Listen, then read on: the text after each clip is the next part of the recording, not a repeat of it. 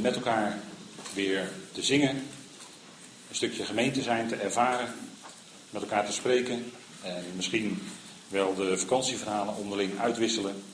Maar het is ook goed om met elkaar weer na te denken over een stukje uit Gods Woord dat gelezen is. En dat willen we met elkaar doen. En voordat we dat doen wil ik eerst graag met u bidden.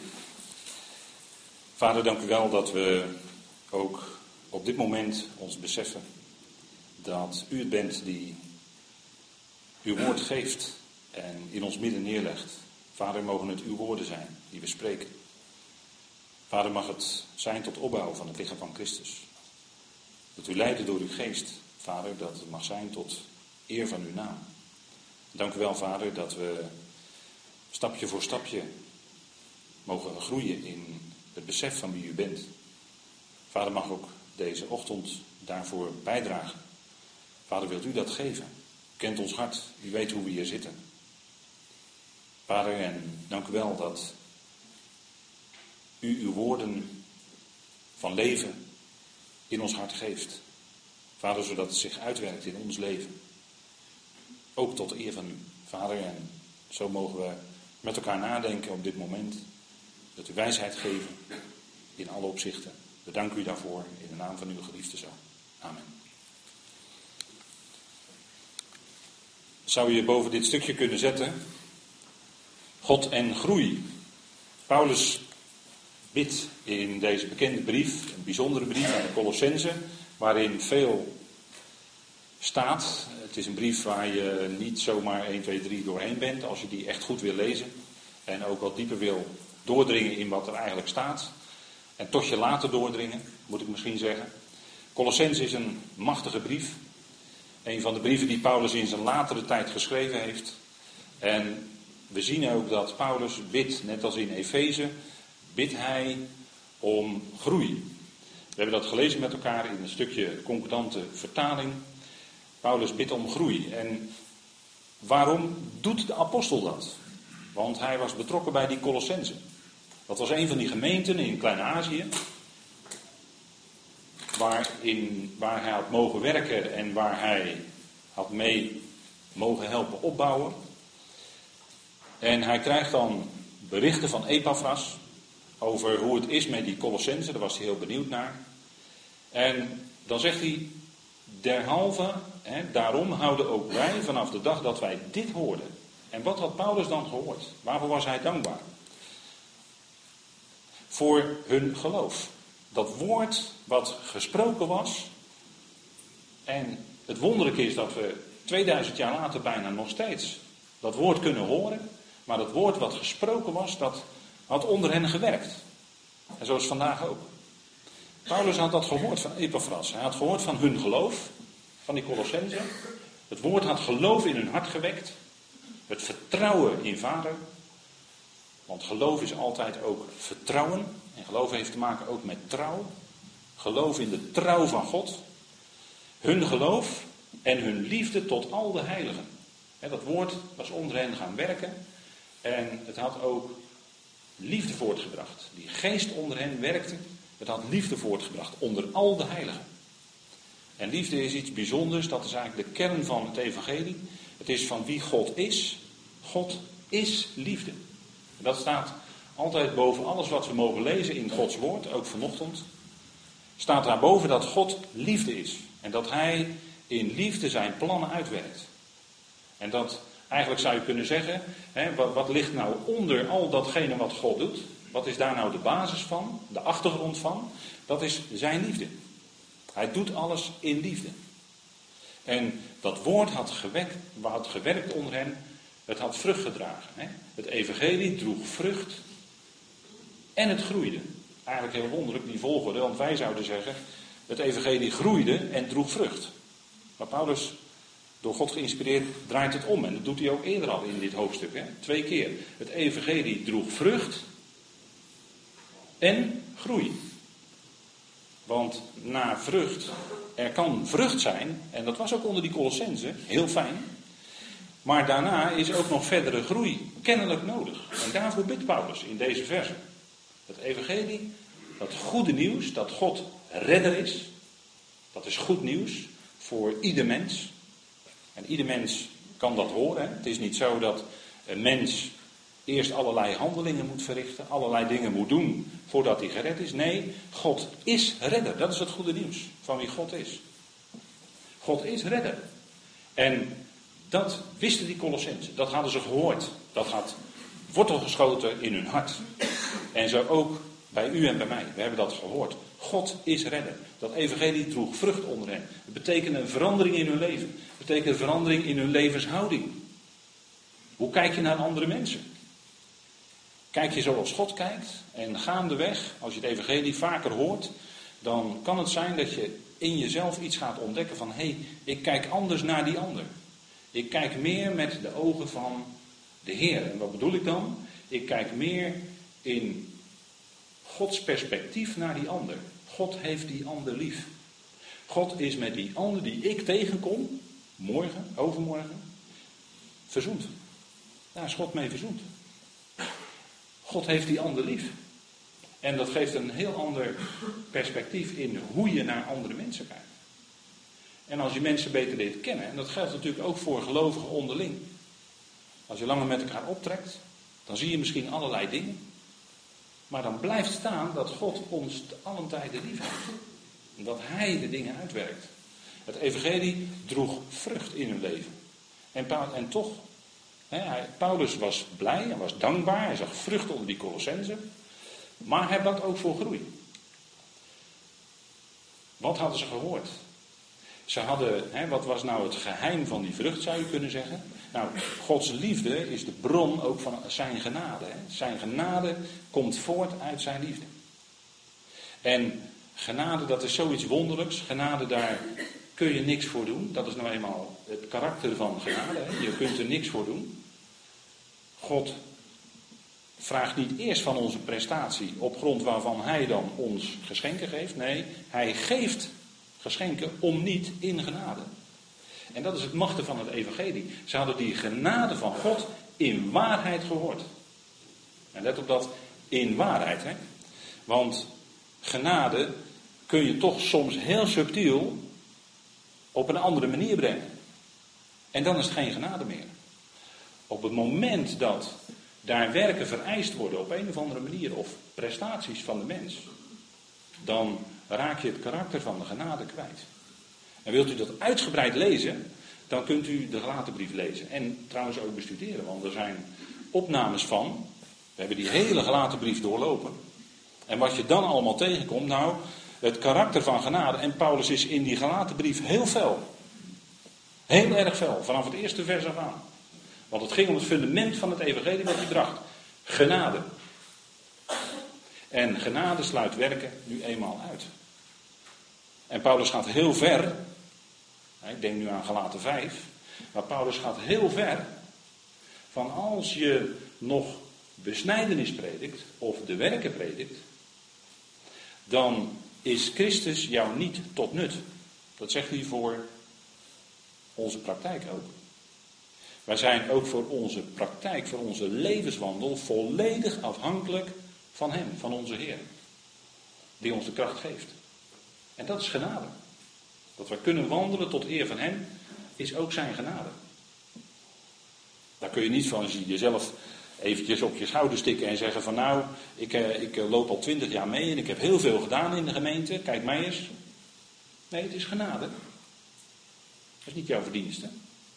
Het is iets dat God mogelijk maakt en waarin Hij je genade geeft. Ze hadden dat woord van de waarheid, die genade van God gehoord en erkenden dat ook. Ze erkenden dat ook. Ze namen er niet alleen kennis van, maar ze erkenden het ook. Dat is een verschil. Dan zeg je, is dat nou een woordspelletje? Kennen, erkennen? Nee, dat is geen woordspel. Dat is een verschil. En daar bidt Paulus voor. Hij zegt, jullie liefde in de geest had hij van Epaphras gehoord, aan ons. Die Colossensen, die hadden Paulus en zijn medewerkers lief. Waarom? Omdat zij degene mochten zijn die boodschappers waren van het goede nieuws. Jullie liefde in de geest aan ons. Ze waardeerden dat werk wat de apostel gedaan had. Niet om een mens op een voetstuk te zetten, daar gaat het helemaal niet om. Maar er was een onderlinge liefdeband, omdat Zij hadden gezien dat Paulus degene was die hun dat evangelie van genade bracht. En daar waren ze dankbaar voor. Paulus en zijn medewerkers. Paulus vroeg niets. Alleen de Filippenzen stuurden hem spontaan soms iets toe. En dat is toch wel bijzonder. Jullie liefde in de geest aan ons. Later, later werd het anders. Later moest Paulus constateren dat allen in Azië hem hadden verlaten. En was hij zelfs niet meer welkom, onder andere in deze gemeente in Colosse. Dat is heel verdrietig, maar dat schrijft hij in zijn laatste brief aan Timotheus. Maar op dit moment is Paulus bijzonder blij en dankbaar aan God dat hij deze berichten had gehoord van Epaphras. En Paulus bidt. Paulus zoekt zijn knieën op. Hij bidt voor die ander. Hij bidt voor die Colossense. En, en dat is ook wat we kunnen doen voor elkaar. Soms voel je je zo tekortschieten, voel je je armen zo tekort. En kom je tijd tekort en, en noem maar op. En je zou wel willen dat, maar je kunt in ieder geval bidden voor die ander. Dat is heel veel. En Paulus bidt voor die ander en ik hoop dat we dat met Paulus ook meebidden, dit gebed, want dit is een puur Bijbels gebed. Dat wij niet ophouden voor jullie te bidden en te verzoeken. Paulus' intense gebed hè, voor die Colossense te bidden en te verzoeken dat jullie vervuld worden met de erkenning van zijn wil. niet alleen ooit iets gehoord hebben over Gods wil, nee, erkennen gaat veel verder. Dat gaat een bewust, diep besef hebben van wat God wil. Daar bidt Paulus voor. Het was kennelijk nodig ook bij die Colossensen. Ondanks dat ze het evangelie hadden aanvaard. Ze waren er blij mee en dankbaar. Maar zo gaat het om de mensen Mensen hebben heel vaak uh, ja, eigen gedachten. En dan, dan hoor je nog wel eens bij mensen, ja, ik denk, uh, of ik voel, of ik wil. Maar waar Paulus nu voor bidt is vervuld te worden, dat ze vervuld zouden worden met de erkenning, de erkenning van zijn wil. Dat is bijzonder en daar schrijft hij ook op in deze brief. Dat is wat Gods woord in ons doet, die schriften, die veranderen ons denken, die veranderen ons hart. En wat is dan het proces in ons? Dat we stap voor stap, langzaam maar zeker, gaan herkennen, wat is nou Gods wil? veel, veel gelovigen vragen zich af, wat is nou Gods wil voor mijn leven? Wat is nou Gods wil voor mijn komende week, bij wijze van spreken? Nou, Paulus bidt daarvoor. En dan gaat het natuurlijk om dat, dat bericht wat hij aan die Colossense brengt over God. Want het gaat uiteindelijk allemaal om God. Gods wil. Wat wil God? En ontdek je nou Gods wil in je leven doordat bij wijze van spreken stoplicht op groen springt? Zo van als een stoplicht nou binnen twee seconden op groen springt, dan is dat de wil, dan moet ik die kant uit. En dan doet hij het niet, dan moet ik de andere kant uit. Nee, zo niet natuurlijk. Zo niet. Zo ontdek je niet Gods wil. Nee, Gods wil heeft te maken met wat hij zegt. Hij heeft zijn wil neergelegd in zijn woord. En dat woord, dat verandert ons van binnen. Dat is punt, hè? Je kunt, geen, eh, je kunt een mens, menselijke omstandigheden, en dat hebben mensen soms wel eens gefilosofeerd, als we nou maar de omstandigheden veranderen, als we nou maar die maatschappij verbeteren, dan wordt die mens vanzelf beter. Nou, zo is het niet. Want die mens die wordt niet beter, daarvan, van, van andere omstandigheden. Een mens wordt beter van binnen door de inwerking van het woord van God. Vervuld worden met de erkenning van zijn wil. Dat gaat een paar stappen dieper dan alleen iets over zijn wil gehoord hebben. Erkennen wil zeggen, dan is het voor jou je hart. Dan ben je daar met je hart bij betrokken. Dan is er iets gebeurd van binnen bij jou. En dan ga je anders kijken, anders leven de erkenning van zijn wil in alle wijsheid en geestelijk inzicht, zodat jullie de Heer waardig wandelen. De erkenning van zijn wil, daar bidt Paulus voor, die heeft dan tot gevolg dat je anders gaat leven. Dat je van binnen in je houding verandert. En wat doet die liefde van God nou in ons hart? Die werkt in ons hart uit een ootmoedige gezindheid. Het woord ootmoedig, ja, wat betekent nou ootmoedig? Eh, laag. mensen verheffen zich graag boven andere mensen, zodat zij heerschappij kunnen oefenen over anderen, zodat zij over anderen kunnen heersen. bij, in de politiek gaat het vaak om macht. waarom gaat iemand de politiek in? Omdat hij macht wil. Macht wil uitoefenen. En, en uiteindelijk liefst de hoogste macht. Dan, sta jij als mens boven al die andere mensen. Maar waar het om gaat bij deze gezindheid, dat is de gezindheid van de Heer, die hij ons heeft voorgeleefd. Dat hij niet zijn macht als machthebber liet blijken toen hij op aarde was. Nee, hij ging in nederigheid. Hij was ootmoedig. Dat was zijn gezindheid. Dat was zijn houding, zijn grondhouding naar anderen toe. En het gaat om die gezindheid, zegt Paulus hè, in Efeze. Met alle ootmoedige gezindheid, dat je de een zich niet verheft boven de ander. Want dat was in, bijvoorbeeld in een gemeente als Korinthe aan de hand. Daar verhief zich de een boven de ander. En men vormde groepen. En de een ging naar die groep. En de ander luisterde naar die. En de ander ging daar naartoe. Maar daar gaat het allemaal niet om. Het gaat om ootmoedige gezindheid. Wat zegt God? Luisteren naar die woorden van God. En het gaat om zachtmoedigheid. Zachtmoedigheid. Dat is een kwaliteit die mensen als ze in het verkeer zitten niet vaak hebben. Er was gisteren nog een bericht dat na, in een file was er ruzie ontstaan en was men op de vuist gegaan bij de A zoveel. Stond op teletext. Ik denk van nou, daar heb je het weer. Mensen zijn hele korte lontjes, vooral als ze in het verkeer zitten, want ze willen opschieten. En dan staan ze in de file, ja, kan je niet opschieten, dan, dan kookt het van binnen. En dan hoeft er maar eentje even verkeerd te kijken en dan gaan ze met elkaar op de vuist. Zo gaat het in de wereld. Maar zachtmoedigheid. Die ander de ruimte geven. Die ander gunnen. Die ander voor laten gaan. Zo was de Heer bezig. Zo ging de Heer bijvoorbeeld, dat is heel wonderlijk, de Heer ging zo met Judas om. Hè? Hij wist van, van meet af aan, dat is ook een stukje erkenning hoor. Hij wist van meet af aan, toen hij de discipelen uitkoos, wist hij van meet af aan dat Judas hem zou overleven. Wist hij. Staat in Johannes 6. En toen ze aan tafel zaten, toen zei hij tegen Judas, Judas, wat jij moet doen, doe dat snel. Maar de Heer had hem, hij, is toch, je zou kunnen vragen, de Heer is toch redder? Hij had toch Judas kunnen redden van die vreselijke taak?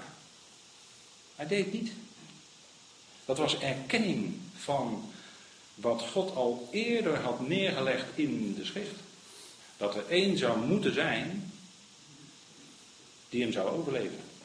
Die hem zou, en dat was uiteindelijk, hè, als je het in het grote geheel van Gods plan bekijkt, was het iets geweldigs, want uiteindelijk zal blijken dat ieder daardoor gered is door dat wat de Heer Jezus aan het kruis heeft gedaan. En waarvoor Judas hem overleefde. Als je het zo bekijkt, dan kijk je ineens heel anders. Maar dat heeft te maken met die erkenning waar Paulus hiervoor bidt in dit gebed. En dan met geduld elkaar dragen in liefde. Omdat je leert verder te kijken. Je hebt misschien geleerd verder te kijken dan wat je ogen nu zien. En als je kijkt in mensenlevens en je kijkt in je eigen leven, wat voor een groei God daarin gegeven heeft. Misschien wel groei in liefde, groei in zachtmoedigheid, groei in ootmoedige gezindheid. Dan kun je naar die ander kijken met de ogen van, ja oké, zo is het nu. Maar wat, God, wat gaat God nou in die ander doen? Wat gaat God nou van die ander maken? En dan kun je ineens heel anders kijken. Dan kun je die ander ook dragen verdragen in liefde.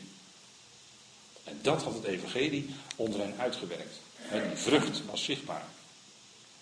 Paulus bidt de erkenning van zijn wil, in alle wijsheid en geestelijk inzicht, tot geheel zijn behagen, in alle goed werk vrucht dragen. En dat was het werk van God in hem.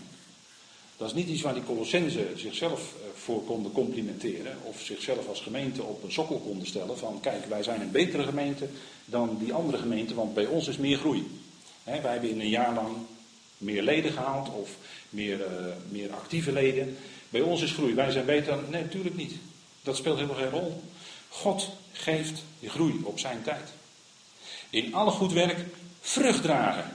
En die vrucht is iets wat groeit. Dat groeit vanzelf. Dat doet zijn geest in ons, in ons leven. Horen. steeds weer horen dat woord. Met de Heer erover spreken. in relatie met God ben je. Met de Heer erover spreken. En de Heer werkt in ons leven door.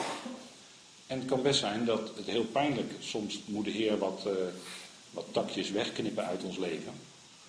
Of als ik aan een roos denk, misschien moet hij hier en daar wat uh, van die stekels wegknippen in ons leven. En dat kan een heel proces zijn. En soms misschien ook pijnlijk, als de Heer in ons leven een stukje correctie inzet. Dat is ook genade.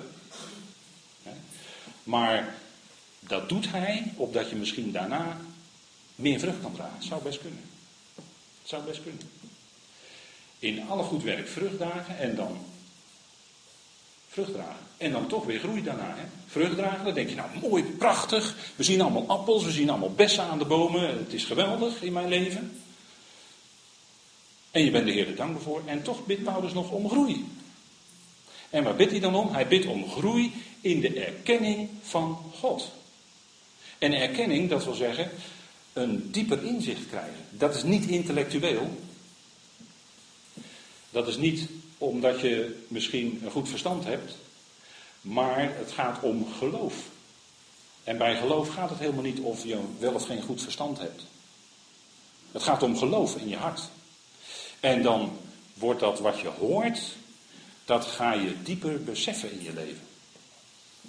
En we zeggen dan altijd, ja, het moet 30 centimeter zakken. Maar ik heb die pijl expres twee kanten op. Want het is een wisselwerking, denk ik. Dat wat in jouw hart zit, bepaalt ook je denken. En wat uit je hart voortkomt, dat komt ook in je gedachten. En andersom. En als Gods woord daarin werkt, dan leidt dat tot een bewust besef. Beseffen wij heel bewust wie God is.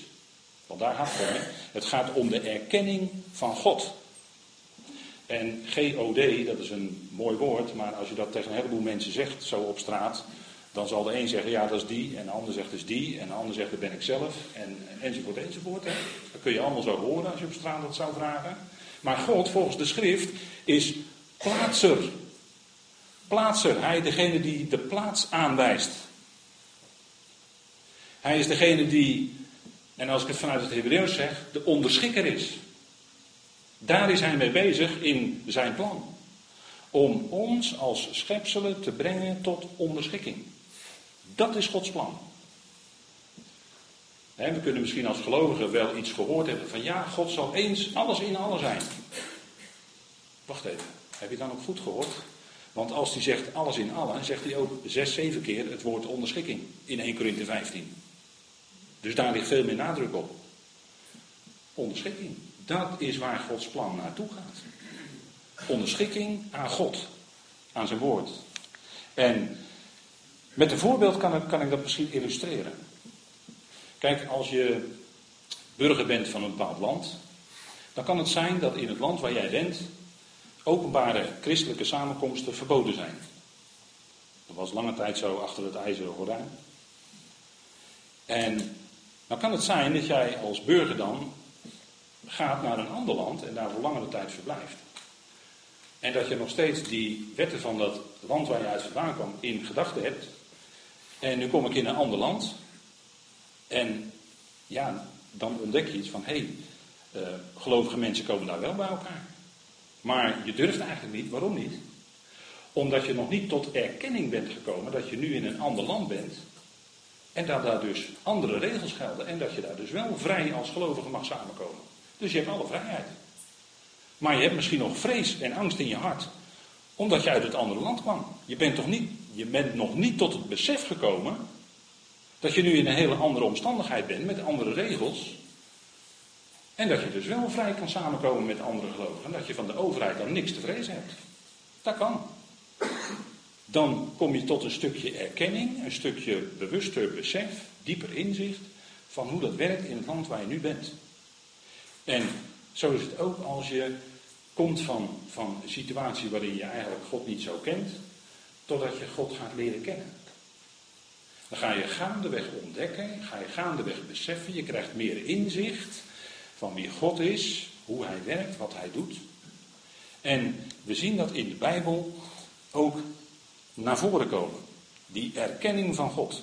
Kijk, als het gaat om Jezus, Jezus kennen, dan, en je vraagt dat, en je gaat weer die straat op en je vraagt dat aan mensen, dan gaan mensen dat invullen. En je vraagt wie is Jezus? Dan zou de een zeggen, dat is een goed mens, heeft goede dingen gedaan.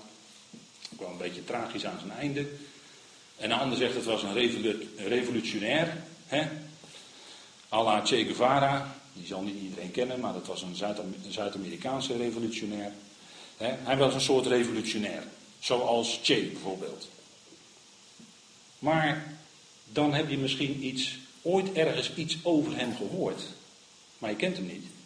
Ja, je hebt wel een beetje kennis over hem, maar geen erkenning.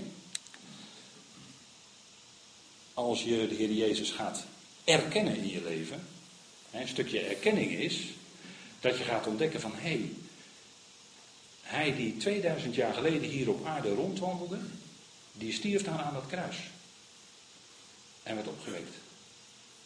En is de erkenning, wacht even, hij deed dat ook voor mij. Als dat tot je doordringt, dan heb je een stukje erkenning. Dan krijg je een stukje bewuster, dieper besef van wie hij is. Hij deed dat voor mij. Voor mij? Ja, hij deed dat voor mij. Hij is mijn redder. Heel persoonlijk. En fantastisch, God is redder van alle mensen. Dat is, dat is, uh, dat is een feit. Maar het punt is dat Jezus jouw redder is. Dus je kan zeggen, Heer dank u wel, u bent mijn redder, heel persoonlijk. Wat u heeft gedaan, die diepe weg die u bent gegaan. Dat u gekruisigd werd, hoewel u niks fout had gedaan. Alsof u een misdadiger was, die terechtgesteld werd. Want zo werden ze in die tijd in, in, in, in het Romeinse Rijk terechtgesteld. Misdadigers, die werden gekruisigd. Hij deed niks verkeerd. Hij stelde zich juist ootmoedig en zachtmoedig op. En we zouden van hem leren. En hij stierf die smadelijke dood aan het kruis. Dat deed hij voor mij. Dat kan een enorme ontdekking zijn in je leven. Dan kom je ineens tot een besef, tot een erkenning van wie hij is. Dieper besef, hij is mijn redder. Fantastisch. En later dan ontdek je, als je dat hebt erkend en je raakt wat vertrouwd met die woorden van God, dan ga je erkennen hey, hij doet nog veel meer voor mij. Hij is niet alleen mijn redder. Maar een, een veel verdere erkenning is nog dat hij ook mijn Heer is in mijn leven. Dat hij het voor het zeggen heeft in mijn leven. Dat is ook erkenning. Kijk, erkenning, waar het hier om gaat, is dieper inzicht, een bewust besef van wie God is. De plaatsen. Degene die bezig is, ieder die hele schepping aan zich te onderschikken. En dat doet hij niet zonder liefde, nee, dat doet hij in liefde. En dan zet hij stapjes, steeds weer een stapje. En wij denken wel eens van, uh, ja, het gaat mij wat te langzaam, voor mij mag vandaag die bazuin wel klinken. Nee, nee, nee, God neemt de tijd. God heeft de tijd aan zijn kant. Hij heeft de tijd in zijn hand.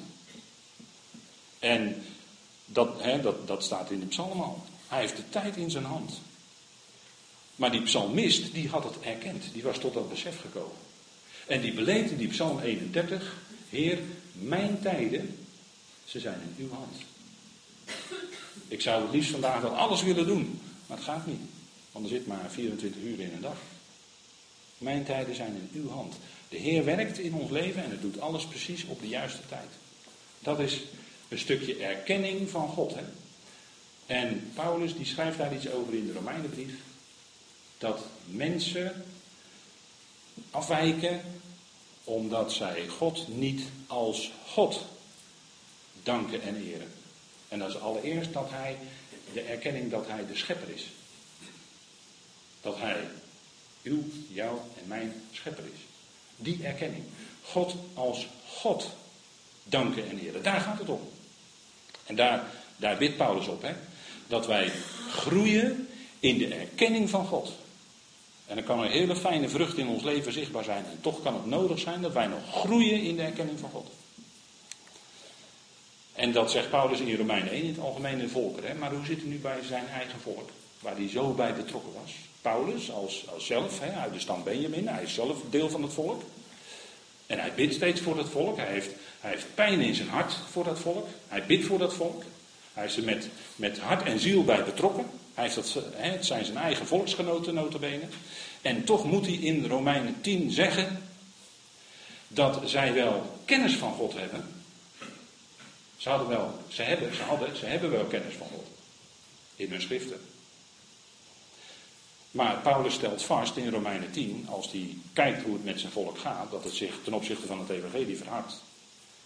Dan zegt hij ja, het ontbreekt hen op dit moment aan erkenning van God. En ik zeg heel bewust op dit moment, want in de toekomst zal het anders zijn.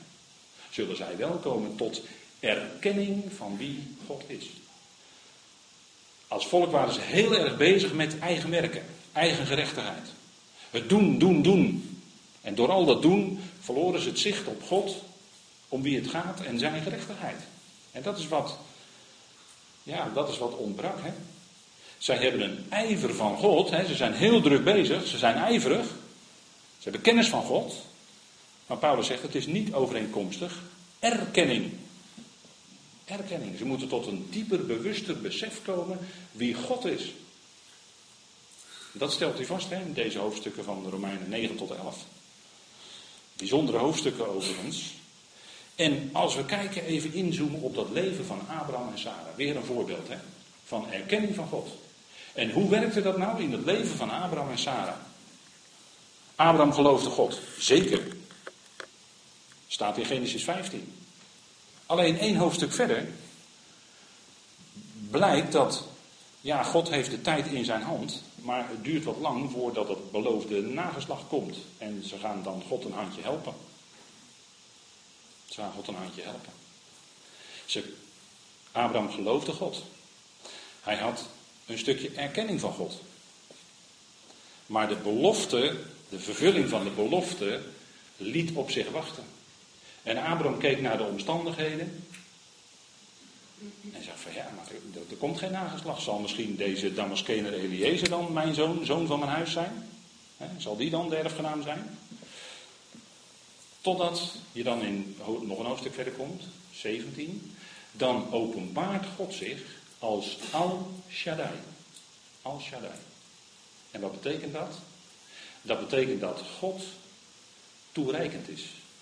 Dat God datgene geeft wat de mens nodig heeft. Dat die mens ervaart, wij komen tekort. Abraham en Sarah kregen geen nageslacht. En God gaat zich dan openbaren in Genesis 17 aan Abraham als Al Shaddai. Degene die toereikend is, degene die voldoende vermogen heeft om zijn beloften, dat wat hij gezegd heeft, ook waar te maken. En dan blijkt dat God anders is dan mensen. Mensen kunnen dingen beloven. En dan blijkt het soms dat die beloften loos zijn. In mensen word je dan teleurgesteld. Maar God is anders er wordt soms wel eens over God gesproken in de Bijbel alsof hij een mens is, maar dat is om het aan ons duidelijk te maken. Maar God is anders dan wij mensen. God maakt al zijn beloften waar.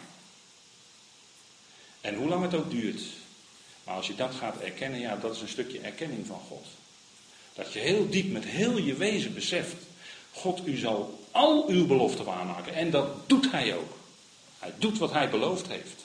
En zo openbaart, onthult hij zich aan Abraham en Sarah. Die wachten en toen moesten ze nog daarna een jaar wachten. Hij die onderschikker is, blijkt toereikend te zijn. Alleen ze moesten nog een jaar wachten. En wat vond nog meer plaats in Genesis 17? De besnijdenis. Want dat heeft er alles mee te maken. Heel symbolisch moest Abraham zichzelf en zijn nageslacht besnijden en dat is een stukje vlees wegsnijden. En wij zeggen dan misschien een stukje nutteloos vlees wegsnijden. En dat is nou precies waar het om gaat. Het vlees wordt afgesneden. Dat wil zeggen, de mens in zijn eigen kunnen, in zijn eigen willen, in wat hij zelf allemaal meent te kunnen presteren. Het vlees, eigen gedachten navolgen, eigen werken doen, ik er zelf doen, dat wordt afgesneden. Symbolisch. Als een teken dat het menselijke vlees er niet toe doet als God zijn belofte wil vervullen. Precies, dat is één gebeuren. God onthult zich als El. Ik ben toereikend, ik zal het doen. En dus de mens, het menselijke vlees, niet de mens, maar het menselijke vlees afgesneden. En dat is, daar, daar zit het punt. Hè? En dat is een stukje erkenning van God. Als je dat gaat erkennen van Heer, ja, in mijzelf, nee, dat stelt niet zoveel voor. En er komt een dag dat je dat gaat ontdekken. Heer, ik zelf, maar dat stelt niet zoveel voor. U bent alles. En dat is erkenning van God. En dan kun je ook niet anders dan aan hem onderschikken. En dat was in het leven van Abraham en Sarai. En toen kwam toch Isaac en dat was lachen natuurlijk. zij kenden God. Ze hadden geloof, maar er zat nog zoveel eigen inzicht bij. En ze moesten nog groeien in de erkenning van God, dat bewuste besef. God onthult zich, besnijdenis. En dan komt toch Isaac en zij geloofden in God, de algenoegzame. En dan is ook het vlees afgesneden. Want dat speelt geen rol meer. Vlees speelt geen rol in de totstandkoming van Gods plan, van zijn belofte. En zo waren zij gegroeid, want Romeinen 4, daar zegt Paulus, dat Abraham tegen alle verwachting in geloofde, dat God bij machten was te doen wat hij beloofd had.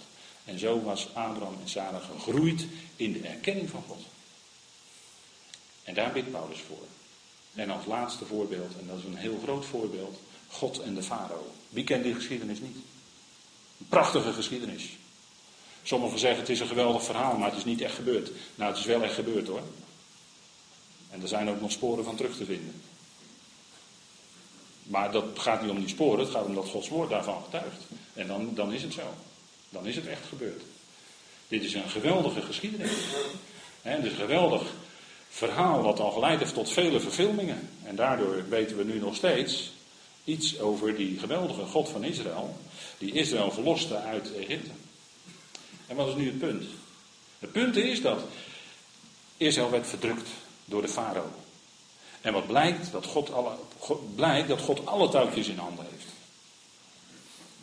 Ook al gaat het in ons leven misschien soms heel diep, maar God heeft alle touwtjes in handen. En zo ging het in het leven van Israël, zijn eerstgeborene, ging het ook heel diep. Ze waren in slavernij in Egypte en, en de slavernij werd erger. Maar dan roept God Mozes en wat zegt God dan tegen Mozes? Dat hij ze zal uitleiden, want hij had de ellende van zijn volk gezien.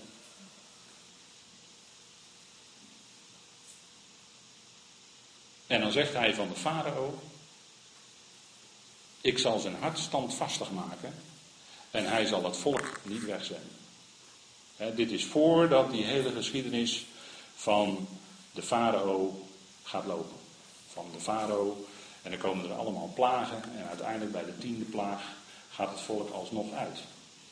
En dan zegt God van tevoren, voordat die hele geschiedenis gaat lopen, dat hij het hart van farao standvastig zal maken. En hij zal het volk dus niet wegzenden. Hij zal het pas laten gaan op het moment dat al die plagen geweest zijn. En dat daardoor, door die gebeurtenis, ja, dat heeft allerlei kanten. En dat laat ook heel veel zien over wie God is. Hij zal zijn hart standvast maken. Staat twee keer voorafgaand aan die hele geschiedenis. En dan staat er dat het volk Mozes en Aaron geloofde. En wat hoorden zij? Zij hoorden over God de barmhartige. Want als Paulus erover spreekt in Romeinen 9, dan benadrukt hij dat God de barmhartige is. En dat staat eigenlijk boven deze hele geschiedenis. Zij horen dat JW, hè, JW is ik ben, de zonen van Israël opzoekt en dat hij hun vernedering ziet. Dat is zijn liefde. Dat is zijn ontferming. Dat is zijn barmhartigheid. Hij zocht het volk op. Hij had hun vernedering gezien.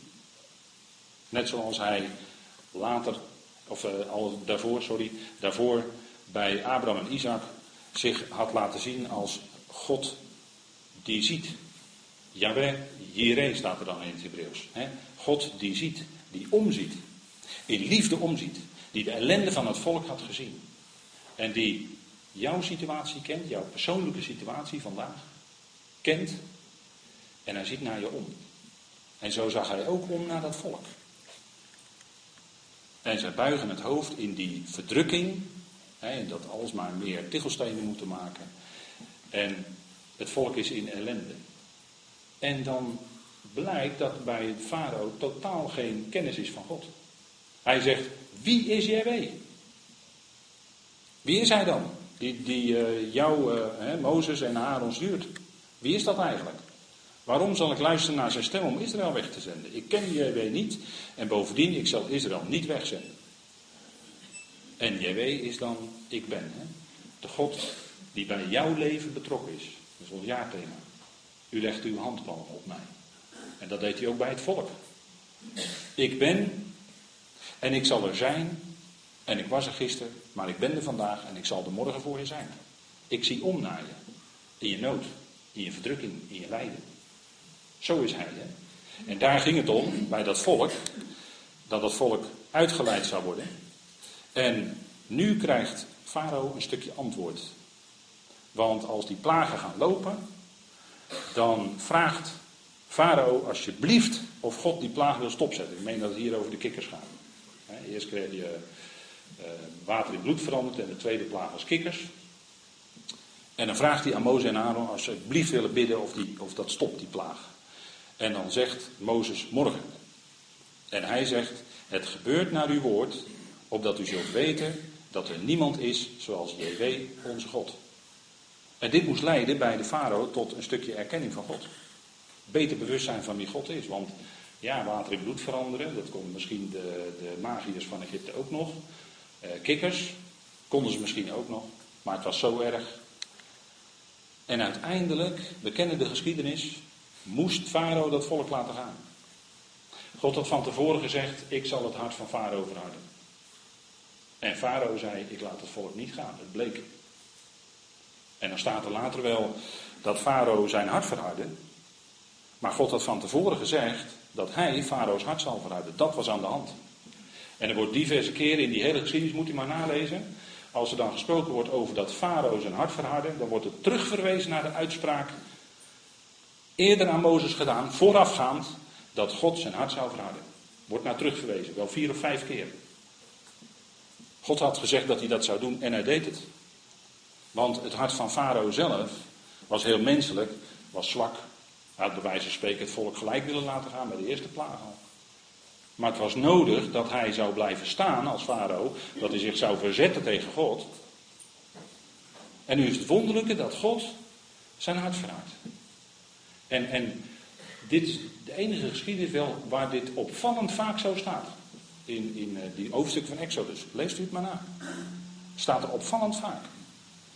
En Farao's hart was standvastig, maar uiteindelijk verhardde JW. God die verhardde het hart van Farao. Dat is, dat is heel wonderlijk. Hè? Maar vergeet niet dat God de barmhartige is. Dat hij wilde dat zijn volk zijn eerstgeborene zou uittrekken uit Egypte. En het ging om zijn naam, dat zegt Paulus. Hè? Het gaat om de naam van God. En die naam van God, die werd zo enorm verheerlijkt door dat hele gebeuren. Dat dat vandaag de dag nog steeds, hè. Want dit is wat Paulus ook aanhaalt in Romeinen 9. Niettemin voor dit doel doe ik jou staan. Niettemin voor dit doel doe ik jou staan, zegt God. Om jou mijn kracht te laten zien en omdat mijn naam in de hele aarde verteld wordt. En wij hebben daar moeite mee met deze dingen. Waarom? Omdat wij mensen zijn en omdat Hij God is. Hij is geen mens, dat hij liegen zou. Want God is waarachtig en ieder mens leugenachtig. Als het er even heel scherp om gaat. Hij is geen mens, maar God is degene die alle touwtjes in handen heeft. En hij is liefde. Het ging hem om dat hij omzag naar zijn volk. Hij redde zijn volk uit die ellendige situatie uit Egypte. Die verlossing. En dat hij dan Farao inzet in zijn plan. Doe ik jou staan. Paulus heeft het dan over het woord verwekken. Heb ik jou verwekt om farao te zijn daar in Egypte. Om mijn kracht te laten zien. En omdat mijn naam in heel de aarde verteld wordt. Het ging uiteindelijk om de eer en verheerlijking van God. En wat is het geweldig als we dat plan van God leren kennen. En dat we beseffen dat, ja, die legers van de farao, die, die gingen ten onder in die zee, hè, in die Rode Zee.